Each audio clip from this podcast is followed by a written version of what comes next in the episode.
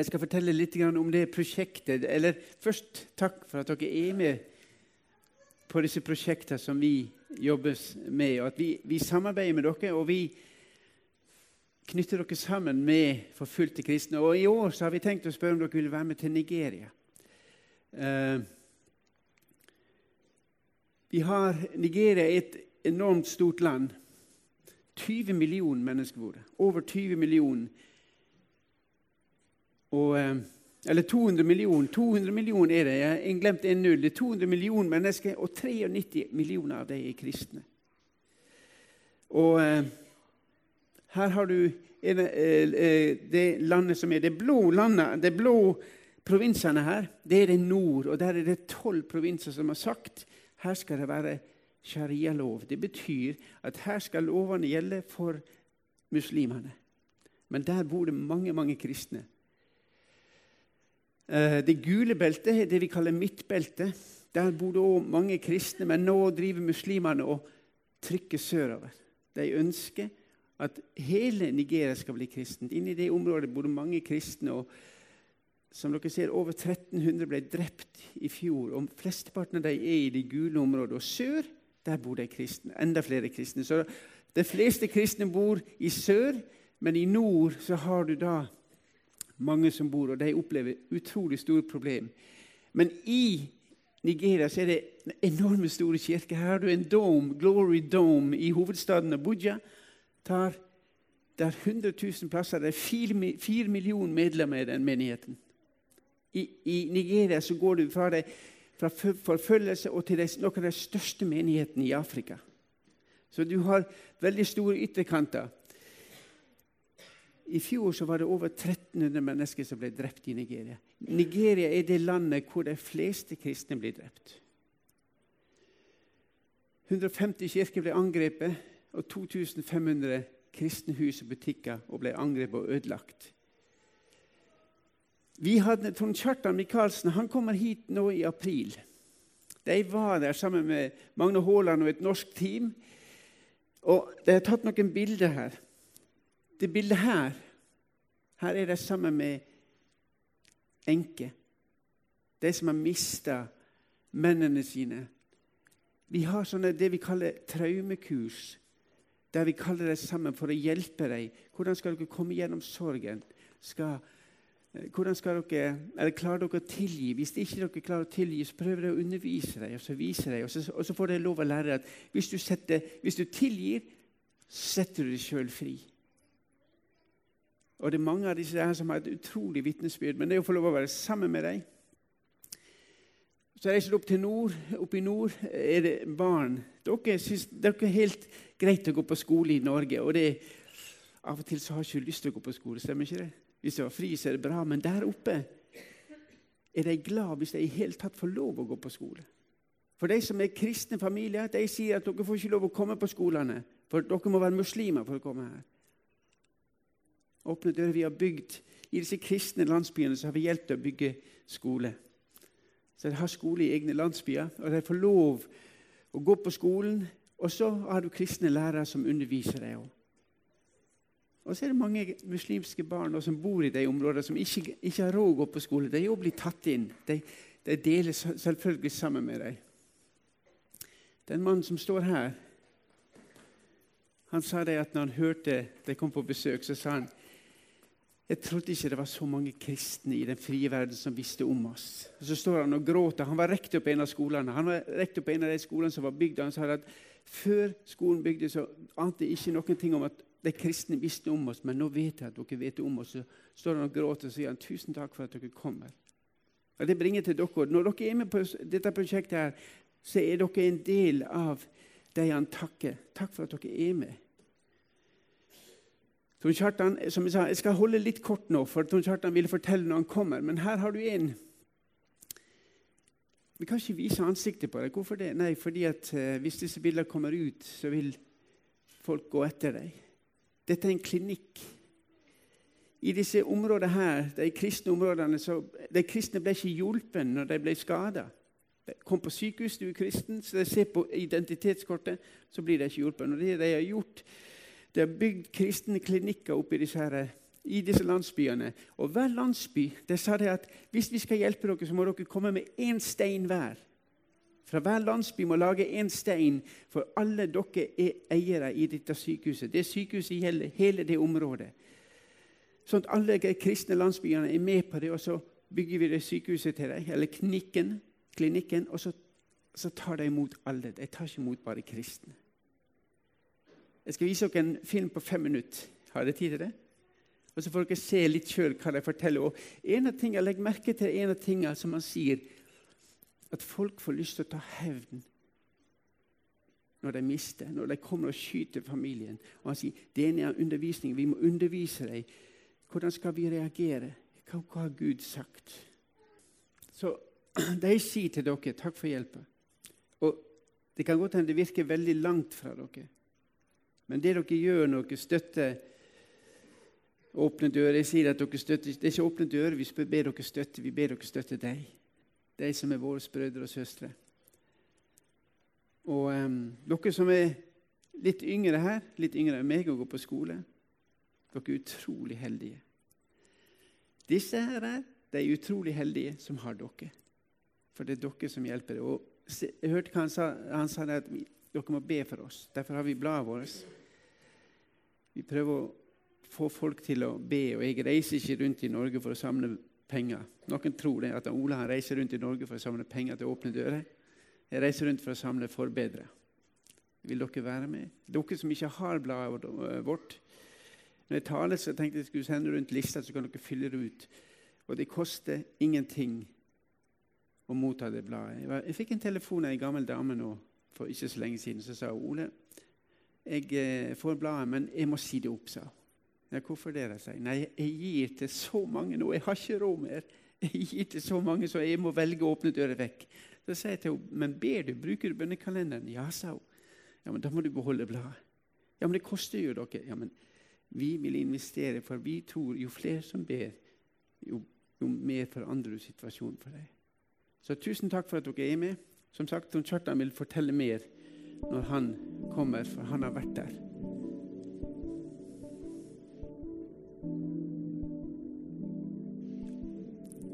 Jeg tenkte å dele litt av noe broder Andreas har fått et spørsmål. Hvis du kunne si bare én ting til de kristne i Vesten, hva skulle det ha vært?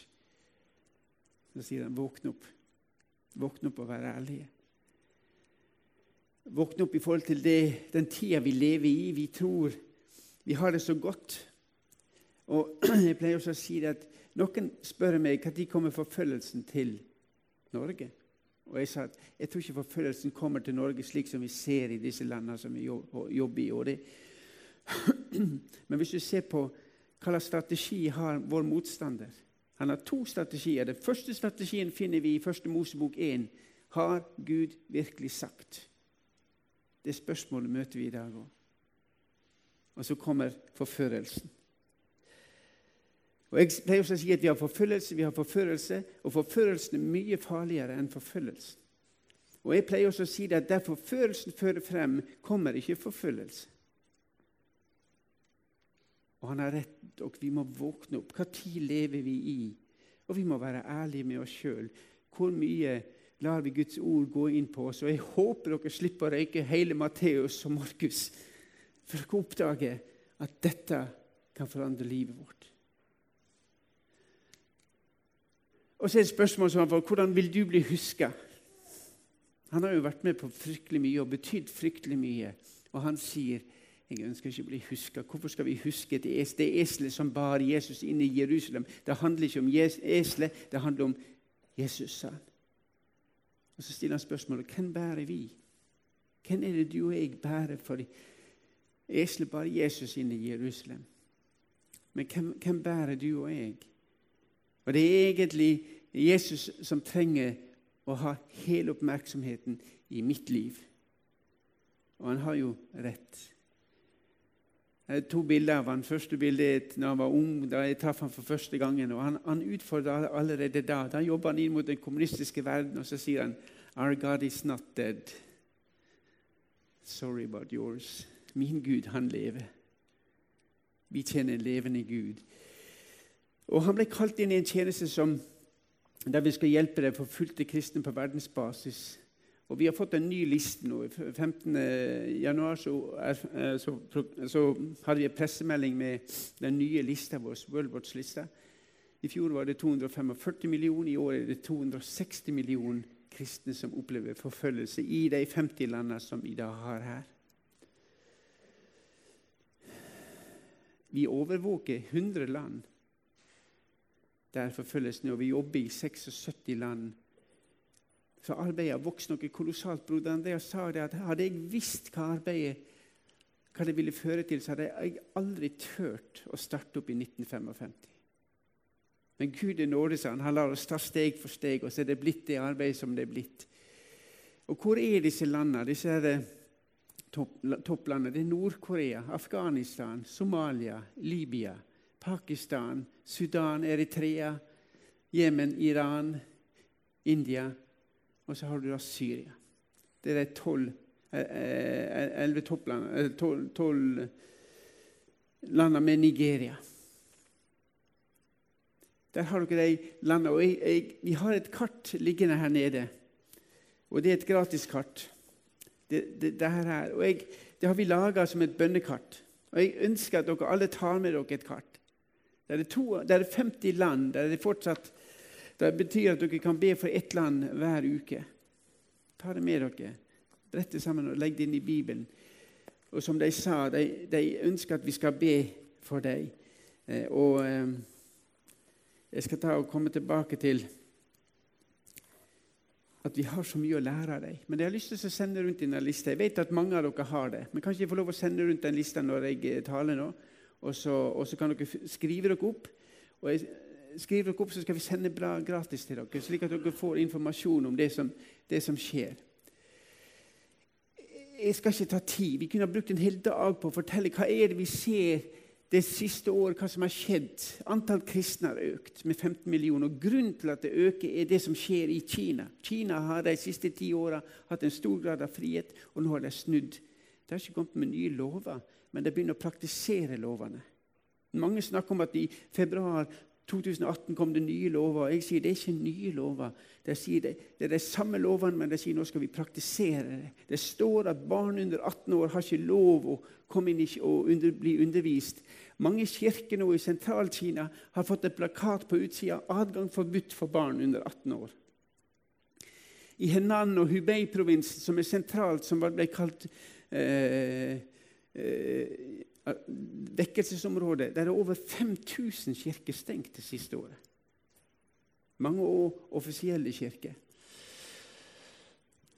Spredning av militant islam. Hvor er det blitt av IS? Etter at Libya falt, så er Libya blitt et land der IS får tak i våpen. Det er kolossalt med, med kriminalitet. Så Afrika er prega av det som skjedde i Libya, og de IS-trengende nå til Vest-Afrika, alle Nigeria, disse landene betaler en enorm pris. Og Afrika det er det kontinentet hvor flest kristne blir drept. nå. Militant eh, islam i Sør- og Sørøst-Asia. Sri Lanka med 200 drepte i påska der de sprengte to kirker og flere hotell. Latin-Amerika, der de kristne pastorene forkynner evangeliet om fred, og du skal elske din fiende og disse kriminelle karteller som driver med narkotika, de som dyrker narkotika og ber landsbyer dyrke narkotika som de skal selge, og kristne pastorer sier vi vil ikke gjøre det. Dermed blir det et mål for dem. Forfølgelse, digitaliseres. I Kina har de over 200 millioner kameraer på gata.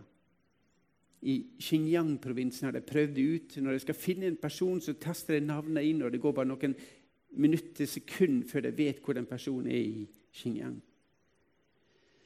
Alt som skjer på Internett, har kineserne fullstendig kontroll på. Og stadig færre kristne i Syria og Irak. De flykter ut av landet. De stoler ikke på dem. Og vi ber Gud må du la ditt folk få lov å bli igjen i Syria og Irak. Må du ha et folk som kan være vitne. Det er det jeg har tenkt å dele med dere om. Jeg kunne ha brukt mye mer, men jeg har ikke tid til det. Og som jeg sa, vi bruker bladet vårt. Og, og folk gir. Dere er med og gir. Så tusen hjertelig takk for at dere er med og støtter arbeidet på den måten. Og når jeg sier Nigeria Dere spurte etter et prosjekt, men jeg sa til Trond Kjartan kanskje vi spør om Nigeria. fordi at hvis dere gir, De pengene dere gir, kan vi få lov å bruke det i Nigeria. Da gir dere oss frihet til å kunne gå inn på de områdene der det plutselig blir et behov. Så kan vi si vi setter pengene inn der. Og så skal vi orientere dere om hva som skjer i Nigeria, og hvordan vi jobber der. Jeg fikk et oppdrag om å komme til dere om å, om å, om å få øynene deres opp til hva, hvordan kan vi våkne opp til det ropet som de kristne har. Jeg var sammen med Hanna, ei ung dame som jobber i et av disse landene. her. Vi har ikke lov å si hvilket land. De må ikke komme ut hvilket land de jobber i. Men hun var her i Norge. Hun har vært i to, to år og vært på UL. Og Vi var oppe på Krikk eh, høyfjellssenter og talte til en, en, en, en hel flokk med, med, ungdommer som var på, på samme der. Og Når hun talte der, så sier hun disse ordene. Hun så på det, og så sier hun dere må bli en sterk kirke. Dere må stå på Guds ord, for vi trenger en sterk kirke som ber for oss. Dere må få bli en sterk kirke. Dere må stå på Guds ord. Bare, for vi trenger en sterk kirke. Og når vi står på Guds ord, bare da er vi en sterk kirke. Men menneskelig sett så kan vi se ut som vi er svake. Når jeg er svak, så er jeg sterk, sier Paulus. Og jeg skal ta Det ber oss, Husker på filmen. De ba oss be for deg. Dette er en kvinne fra Nigeria. Og Karl Barth har sagt dette og folder hendene i bønn i et opprør mot alt som har gått galt i denne verden. her. Det har gått, Menneskelig sett så har det gått galt helt siden syndefallet. Men vi, som kristne så aksepterer vi ikke det som skjer i Nigeria. Vi aksepterer ikke at Nord-Korea ligger under. Vi løfter opp på et høyere plan og vi ber til Gud. Gud, du må gripe inn. Og det, det er litt spesielt. Gud har gjort seg avhengig av deg og meg. Han kunne ha gjort det sjøl, men han inviterer deg og meg med. Og jeg tror han inviterer oss med for å vise at jeg er en levende Gud. Og dere som sitter her, som skal få lov å være med og be for forfulgte kristne, dere erfarer at det hjelper. Guds rike går frem i Nigeria. Hvorfor forfølges det i Nigeria? Jo, fordi Guds rike går frem, og du har en kirke som er modig og tør å stå. Og Philip Jansen har sagt at bønn er den handlinga som får oss til å se virkeligheten fra Guds ståsted. Og det, Noen sier til oss i Åpne dører hvorfor dere må jo være fryktelig deprimerte i åpne dører. Alt det dere får høre, og det, det dere får se, men vi er ikke det. For vi ser en annen ting òg. Det har sin pris når Guds rike blir forkynt, og Guds rike går frem. Da våkner vår motstander. Så det skjer noe der ute. Og det står det, I siste rapporten så står det i Guds rike i Nord-Korea vokser langsomt. Det vokser Antall kristne vokser, men 30 av de kristne i Nord-Korea sitter i fangeleirer. Det betyr at det er cirka, Vi sier at det er ca. 300 000. Det betyr at 90 000 sitter i fangeleirer. Og Det de sier i Nord-Korea, de kristne, det de har sagt at vi vil forkynne evangeliet. Om det så skal koste oss døden, så får det heller koste oss døden. Men vi vil forkynne. Og så sier de be for oss at vi må være modige.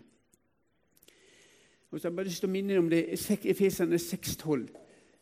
Du og jeg tenker kanskje at vi trenger ikke Gud så mye som deg. Men dere vil gjøre det, for vi har den samme fienden. Du og jeg, Vår kamp er ikke mot kjøtt og blod. Det er ikke politiske krefter, det er ikke, det er ikke motstanderne våre. Men vi har en kamp mot makter, mot åndskrefter, mot verdens herskere dette mørket, mot ondskapens ånde her i himmelrommet. Du og jeg er desperat avhengig av Jesus i Norge på bordet. Er desperat, for vi har en livsfarlig fiende. Jeg blir 64 år nå i mai, og jeg er fortsatt en kristen. Og jeg takker Gud for at han alltid har sluppet meg. Hvis ikke Gud hadde holdt meg, så hadde jeg ikke vært der jeg er i dag. Dere, vi, vi, har en fantastisk Gud, men vi er, vi er utrolig avhengige av ham. Vi klarer aldri å stå mot den fienden som du og jeg er satt opp mot. Og Derfor trenger vi Guds ord så mye. Mye mer enn det vi er klar over. Og Hadde vi vært klar over det, så hadde vi lest Guds ord mye, mye mer. Og Jeg skal komme litt tilbake til det. Jeg skal, jeg skal avslutte talen min med å gå til Egypt. Hadde, vi hadde nettopp besøk av broder Michael, en god venn av meg. Jeg har reist med han. her i Norge. Jeg har vært nede i Kairo og reist med han i Egypt. Sist gang han var her, så begynte han å fortelle om hva som har skjedd i Egypt det siste, ja, etter revolusjonen i 2011. Og fra 2015 og så begynte han jeg sto og, og tolka han, så begynte han å fortelle disse historiene. 15. februar 2015 så er det 20 20 egyptere som blir tatt til fange sammen med en afrikaner. Og Vi vet alle denne videoen som går over verden, der det kommer maskiner med IS. En hver av disse kledd i oransje med en svartkledd IS-mann ved siden av seg. Historia er det at de blir brakt til den stranda, og det blir filmet. Jeg har ikke sett filmen, jeg vil ikke se den. Men så får de, valget. Hvis du fornekter Jesus Kristus og, og sier Shada, eller Shada altså den, den uh, islamske trosbekjennelsen, så skal vi spare livet ditt. Og alle velger Jesus og blir halshogd. Så kommer de da til den afrikaneren han var ikke en kristen og de, han, han, ble tatt sammen med disse, men i løpet av den uka han var sammen med dem, så ga han livet sitt til Jesus. Han nå får valget. Du kan fornekte tro på Jesus eller Og han sier, 'Jeg følger disse'. Familien de kom fra Minya, en by midt i, sør for Kairo, midt i landet. Alle disse enkene, alle disse barna står frem og de sier det er forferdelig det som har skjedd, men vi tilgir. Vi velger tilgivelsen. Hvorfor det? Jo, fordi Guds ord sier det i Matteus 5. Og Så går han videre til neste. 11.12.2016, St. Markuskatedralen. Det sprengt 27 drepte, 40 såra. Palmesøndag 9.4.2017. To kirker sprengt. 47 drept, 103 13 såra. Han, han, han, malte ikke det så mye ut, men jo mer jeg hørte om dette, så tenkte jeg Det ble for meg mørkere og mørkere. Men så sier han det. Tida er ikke inne for å kreve rettferdighet, men nå må vi vise kjærlighet. Nå velger vi å tilgi. Da det muslimske Brotherhood herska i Egypt etter revolusjonen, så gikk ryktet at de kristne gjemte våpen i kirkene sine. Brotherhood, altså Muslim Brotherhood og Sisi sendte soldatene ut og inn i kirken og lette etter våpen. De fant ikke pistol, de fant ikke et gevær. og det En av de kjente muslimene i Egypt sa nå har vi vært og lett etter våpen i de kirkene. Vi har ikke funnet en pistol, ikke et gevær, ikke en håndgranat, men vi har funnet noe som er mye farligere. Og det er tilgivelsen. Disse mennesker velger å tilgi. Det er livsfarlig. Det er det våpenet som er farligst. Og slik har kirka i Egypt valgt å tilgi. Jeg, jeg, har en liten sang fra Grottekirka. Jeg tror jeg har vist dere før. men Ei kirke som opplever dette, skulle du tro at det er ei kirke som er i fortvilelse, som er i frykt. Men det de gjorde etter dette, de samla seg og hadde et bønnemøte med 45 000 oppe i Cave Church, og de hadde lovsang.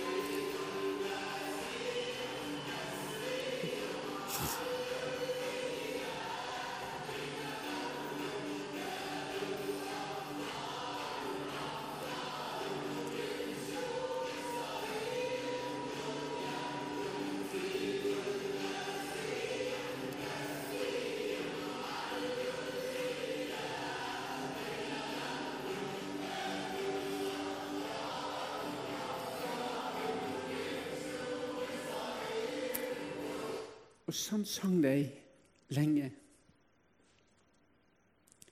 Og Det å forkynne, det å gå sammen, det er ikke, det er ikke en kirke som er redd dette. Men det er en kirke som er klar over at vi må betale en pris. Og De sier vil dere be for oss, ikke for at forfølgelsen skal stoppe, men vil dere be for oss at vi har mot til å stå når problemer kommer. For når du forkynner Jesus Kristus, så blir det bråk. Se på, på apostlenes gjerninger. Det står det at Først var det 3000 som kom til tro. og så Et par kapitler etterpå så er det plutselig 5000, og da begynte bråket. Da ble de kalt inn, og de sier fariserene, som er religiøse ledere, sier at dette må ikke få lov å fortsette. Og Det er nettopp det egypterne også sier. Dette må ikke få lov å fortsette. La oss prøve å skremme dem. Men det nytter ikke. I oktober så sprengte de en ny kirke. Nei, det brant de en ny kirke. Det brant opp taket, og det er bare murene som står igjen. Men ei uke etterpå, på søndagen etterpå så møtte de kirka stappfull og de feirer nattvær. Og de sier at kirka er ikke bygningene våre, det er vi som er kirka. Og dere kan ikke ødelegge oss. Og Det er et kjempesterkt vitnesbyrd på hva som skjer. Men når jeg hørte om dette, så traff jeg en mann på ei av de kirkene. Dette er bror til forrige vaktmann i kirka som ble sprengt. Den mannen, Bror hans han sprang etter, han så denne mannen som gikk inn i kirka. og Han mistenker at han var en selvmordsbomber. Han springer inn i kirka og slår armene rundt ham for å dra han ut. og Da har han gått over på damesida. Damene sitter på høyresida der, og mennene på venstre. Han gikk over på damesida, og når, når, han slo armene rundt, så sprengte det jo en bombe. Den mannen, han sier 'Nå er jeg vaktmann'. Og jeg sitter her, og de klarer ikke å skremme oss. For kirka er ikke det som er bygninga, men det er vi. Og vi sitter her, og jeg spurte kan jeg få lov å ta et bilde av deg. Ja, sa Jeg ønsker å overta den jobben, selv om det skal koste meg livet en gang. Så ønsker vi at kirkene våre skal bestå, og vi er kirka.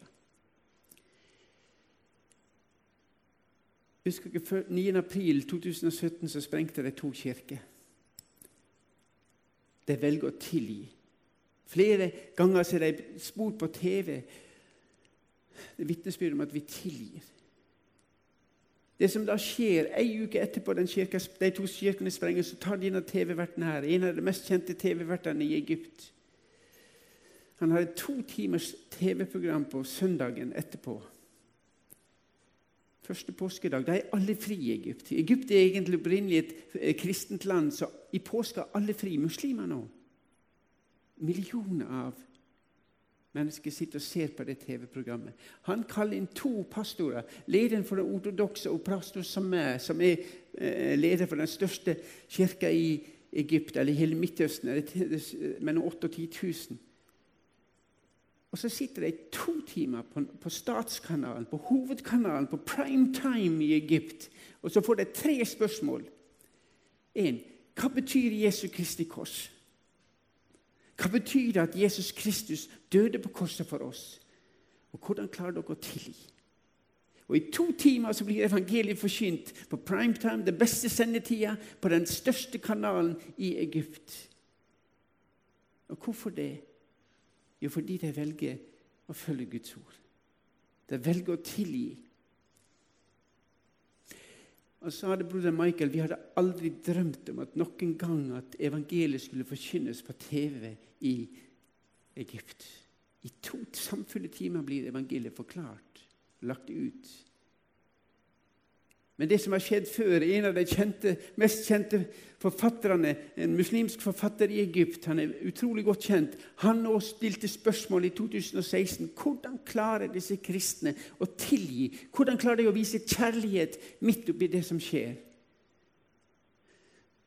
Han fikk ei side på det som kalles den største avisa i Egypt, på en lørdagsutgave der millioner av muslimer leser henne. Og så, han, så finner han 50 bibelvers fra, fra Bibelen der det snakker om Guds kjærlighet. Og så presenterer han 50 vers. Og igjen sier broder Michael om vi hadde betalt 10 millioner kroner, så hadde vi aldri fått lov å lage en sånn reklameside i en avis i Egypt. Men fordi hans folk velger å følge det han, Jesus sier i Matteus 5, dere skal elske dine fiender. Og Det verset som vi i Åpne dører sier at det er vårt kallsvers. Og se, jeg har satt foran deg ei åpna dør som ingen kan stenge. Det fikk jeg helt ny mening med, med det med, for meg når jeg satt og hørte på han. Fordi at det siste delen av verset, der står det For du har liten kraft, og du har holdt fast med mitt ord og ikke fornekta mitt navn. Det er grunnlaget for at den første delen av verset skal oppfylles. Og Det ser de kristne i Egypt nå, at Gud sier dere har lite kraft. Menneskelig sett kan dere ikke stå imot, men dere holder fast med mitt ord og ikke fornekte mitt navn. Fordi jeg ser en menighet som gjør det, så skal jeg åpne dører for dere. Som ingen kan stenge. Og dører som dere aldri trodde ville bli åpna. Og for meg så er det et bevis for det første at Gud han trenger en menighet som står på Hans ord. Som han har sagt, dere må være en sterk kirke. Dere må stå på Guds ord. Gud leter også i Norge etter en kirke som står på Hans ord. Og når jeg begynte å tenke på dette, her, så kommer jeg også på, på dette her med Johannes 8, 31, der Jesus snakker med de jødene som er kommet til tro på ham. Og så sier Jesus da at hvis dere blir i mitt ord, så er dere i sannhet mine disipler. Da skal dere kjenne sannheten, og sannheten skal gjøre dere fri. Jødene som var kommet til tro på ham, sier at fri? Vi er jo ikke slaver. Vi er Abrahams barn, vi er ikke slaver. Hvordan kan du si at vi ikke er fri? Jesus sier, sier det til dere, for Sønnen frigjør dere, da blir dere virkelig fri. Og jeg begynte å tenke sjøl Er det sant for min del? Er det det at jeg ikke er fri? Så begynte jeg å tenke på hva er det som gjør at Jesus kan si at, om meg òg at Ole, du er ikke fri. Hva er det jeg trenger å settes fri fra? det? Og Jo mer jeg jobber med dette, jo mer kommer jeg på til at det er mitt hjerte. Det er mitt hjerte som er mitt store problem. For når Jesus beskriver menneskets hjerte, og det betyr at det er Ole Lilleheim sitt hjerte òg han beskriver Det som går ut fra mennesket, det gjør mennesket urent. For innenfra fra menneskehjertet kommer onde tanker, hor, tyveri, mord, ekteskapsbrudd, grådighet, ondskap, svik, utskeielse, misunnelige øyne, spott, håmod, vettløshet. Alt dette kommer innenfra og gjør Ole urein. Og når jeg leste det, så begynte jeg å gråte og så sa jeg, Gud, jeg trenger å bli satt fri. Gud, hvis ikke du kommer inn i mitt hjerte, så har jeg et kjempeproblem. Av og til så skylder vi på vår motstander, men dere, det er ikke han som er vårt store problem. Men det er det som bor i meg. Men så når jeg begynte å tenke på det, så kan du bli deprimert. At det er det vi strir med. Det er det jeg strir med. Ja, men Så begynner folk å si ja, men jeg har aldri Jeg har ikke skilt meg. Jeg har ikke drept noen. Jeg har ikke drevet hor. Men så har du så mange andre. Misunnelige øyne. Vettløshet. Jeg husker jeg, sa, jeg var på realskolen, og så var det en, en lærer, en kristendomslærer som sa han, ja, er det noen som har, er noen bud dere ikke har brutt. Og jeg var, jeg var jo en kristen, så jeg, jeg, jeg rakk opp hånden. Ja, ja, det er en ting. Jeg var, 17, jeg var, 16 år. Ja, det er en ting. Ja, hva da, sa han. Du skal ikke bryte ekteskapet. Jeg er ikke gift, sa jeg. Så så han på meg så sier han, men Det står i Bibelen Ole, sa han, at dersom du har brutt ett av disse budene, så har du brutt alle. Og jeg har aldri glemt det. Dersom du har brutt ett, så har du brutt alle. Vi graderer synd, men for Gud er synd det som skiller oss mellom Han. Men igjen, dette kan kanskje gjøre oss deprimerte, men så har du det fantastiske verset i Åpenbaringsboka 3.20. Og Der snakker Jesus til sitt folk. Han snakker til sin menighet. Han snakker ikke til de hedningene. Gå inn og se på det kapitlet. Han snakker til menigheten, og det er nesten utrolig at Jesus sier det. Han sier, 'Se, jeg står for døra og banker.' Og om noen hører min røst Det er nesten utrolig at han sier det til sitt folk. 'Dersom dere hører min røst og åpner opp, så skal jeg gå inn.'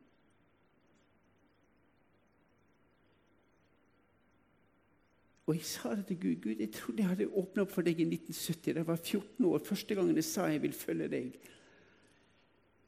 Og Så sier Jesus, ja, men Ole, åpner du opp for meg når du er sint? Åpner du opp for meg når du er såra, når du er skuffa? Og da oppdager jeg at jeg trenger å invitere inn Jesus hver dag.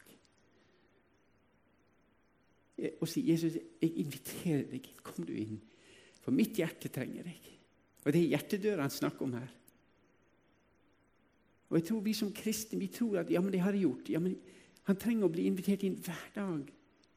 Se, jeg står for døra og banker hver dag. Og Hvis du gjorde høre min røst, skal jeg komme inn og jeg skal holde måltid med deg. Og Det skal bli et sånt måltid at ikke du kan holde det for deg sjøl. Du må dele det med andre. Og Det som du sa i, i begynnelsen her, at Gud, Guds ord Det er et løfte med Guds ord. Guds ord, som han sier at det som går ut av min munn, det skal ikke vende tomt tilbake til meg. Det skal fullføre, gjøre det jeg vil, og det skal ha fremgang med alt det jeg øh, fører det til. Men det første Gud ønsker, er å forandre hjertet vårt. For hvis hjertet vårt blir forvandla, så blir jo tanken For alt går ut ifra hjertet. Hvis hjertet, hvis hjertet, ikke fungerer, så stopper hodet, fordi det er det hjertet som pumper blod opp til, til, til hodet. Hvis hjertet ikke fungerer, da er du fortapt. Og Jesus spør kan jeg få lov å få en plass i hjertet ditt. Det vil forandre tanken din. Det vil forandre alt. Og det fantastiske løftet i 13. verset og istedenfor tornekratt så skal det vokse opp sypresser, og istedenfor nesle skal det vokse opp myrter. Jeg, jeg har tornekratt i mitt liv, og jeg har også nesle. Når folk kommer borti det, så, så blir de såra. Men så står det at Jesus han sier ikke at han skal rykke opp tornekrattet med, med, med, med, rota og fjerne den, men han står at han skal forvandle tornekratt til sypress og i nesle til myrter. Slik at det skal bli til glede for andre rundt oss. Du og jeg kommer til å bli til velsignelse for vår familie, for våre barn, når Guds ord får lov å virke i ditt og mitt liv. Og jeg trenger å lese Guds ord for at jeg skal bli til velsignelse for mine barn. Fordi det er ting i mitt liv som trenger å bli forvandla. Og Satan, vår motstander, jobber overtid med at ikke vi skal lese. Vi har det så travelt at når jeg sier at jeg bok, jeg, jeg, jeg, har bestemt meg, jeg skal lese denne boka fra perm til perm en gang i året. Noen sier til meg Nei, gjør du det? Vet dere hva? Hvis dere leser 15 minutter per dag så leser du denne boka her ut på ett år. fra perm til perm. Og folk sier det er ikke sant. Jo, det er sant. 15 minutter er 1 av 24 timer. Vil du bruke 15 minutter hver dag? Og la Gud gjøre noe i livet ditt. Hvordan skal vi forvente at Gud skal gjøre noe i livet vårt når vi ikke leser boka hans? Den hellige ånds sverd er Guds ord, står det i Efeserane 6. Hvis vi vil at Den hellige ånd skal jobbe i vårt liv, så er vi nødt til å gi ham det redskapet, og dette er redskapet han bruker. Hvis vi sier at ja, vi opplever så lite av Den hellige ånd, ja, men kanskje er det fordi vi ikke lar ham bruke det redskapet som han kan å bruke. Og han kan å bruke det. Han kan forvandle tonekratt til suppresser og nesle til myrter. Og før så ble det bedt i kirkebønna når de skulle lese Guds ord. Johannes 17, 17. Hellige dem i sannheten. Ditt ord er sannhet. Gjennom Guds ord så, kan, så blir vi som menighet hellige. Og Hvis de ikke bruker det og I dag så står vi òg i en kamp i Norge. Jeg, ikke, jeg, vil ikke anklage, men i dag så står vi også med det samme spørsmålet som Satan sa til Eva. Har Gud virkelig sagt? Og jeg husker Det var en, en god venn av meg som fikk noen besøk av noen ungdommer som var opptatt av det, det som preger Norge i dag. om jeg, jeg syns det blir for mye snakk om men hva sier Guds ord om, om dette her med kjærlighet mellom mann og kvinne, og motsatt. Så, så, så sier mannen her før, før, dere, før, jeg sier noe til dere, så gå og les Romerne 1, sa han. 1 og 2. Les de to kapitlene. Så kommer ungdommene tilbake så sier de, er det så tydelig. Av og til så behøver vi ikke å forklare det. Vi bare henviser til Guds ord, så sier vi les det og se hva som står. Og Gud gir oss sitt ord for å bevare oss.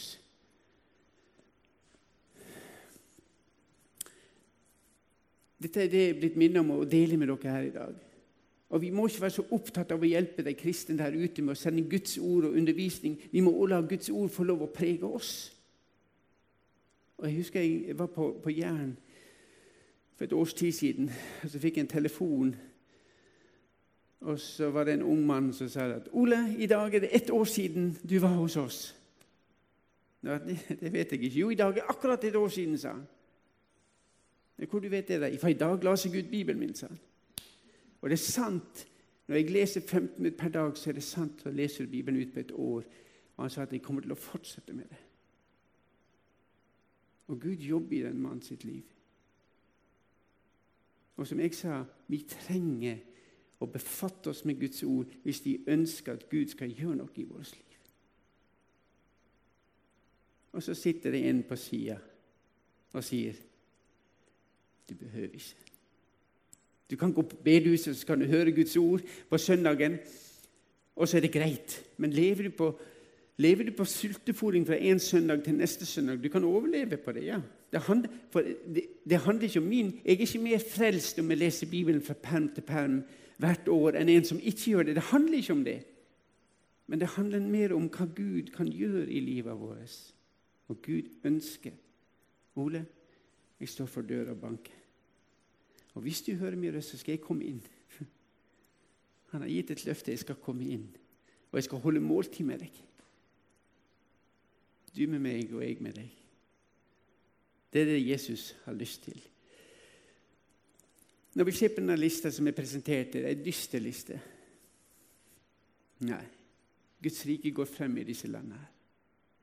Vi kunne fått slutt på forfølgelsen i løpet av kort, kort tid. Av, jeg tror I løpet av noen uker så kunne vi ha fått forfølgelsen til å opphøre over hele verden. Hvis de kristne hadde slutta å forkynne Jesus Kristus. Det hadde vært slutt. Men disse forfulgte kristne de sier hvordan kan vi slutte å fortelle om en som ga livet sitt for oss, og han har gitt meg evig liv. Dette må andre få høre om. Guds rike går frem, og vi trenger flere forbedrere. Vi trenger at folk ber for det. Og Derfor utfordrer vi dere. Og tusen takk til dere som har skrevet opp på lista. Takk til dere som er med. For det betyr kolossalt mye, den bønna som blir bedt her på bordet. Det forandrer verden. Jeg takker deg, Herre Far, for din nåde. Takk for at du har sendt Jesus Kristus til oss, og at du har frelst oss fullstendig. At ikke min bibellesing betyr ingenting i den frelsa, men Jesus, du ønsker å komme inn i livet vårt, og du ønsker å få prege livet vårt, slik at vi skal få lov å prege mennesker rundt oss. Og Jeg ber, far, jeg takker for det som ditt ord gjør i Nigeria. Jeg takker for det som ditt ord gjør i Norge òg, men Gud hjelp du oss og gi oss nåde til å ta oss tid til å lese ditt ord, slik at vi blir kjent med deg, og slik at vi kan avvæpnes den ondes angrep når han kommer. Må du velsigne forsamlingen her. Må du velsigne Per Åge, slik at hele forsamlingen her får lov å bli til velsignelse for hele området her ute. Det ber vi om. Og vi ber ta deg av ditt folk i Nigeria. Og vi ber at ditt folk overalt skal få lov å erfare at som dagen er, så skal også din styrke være. Amen.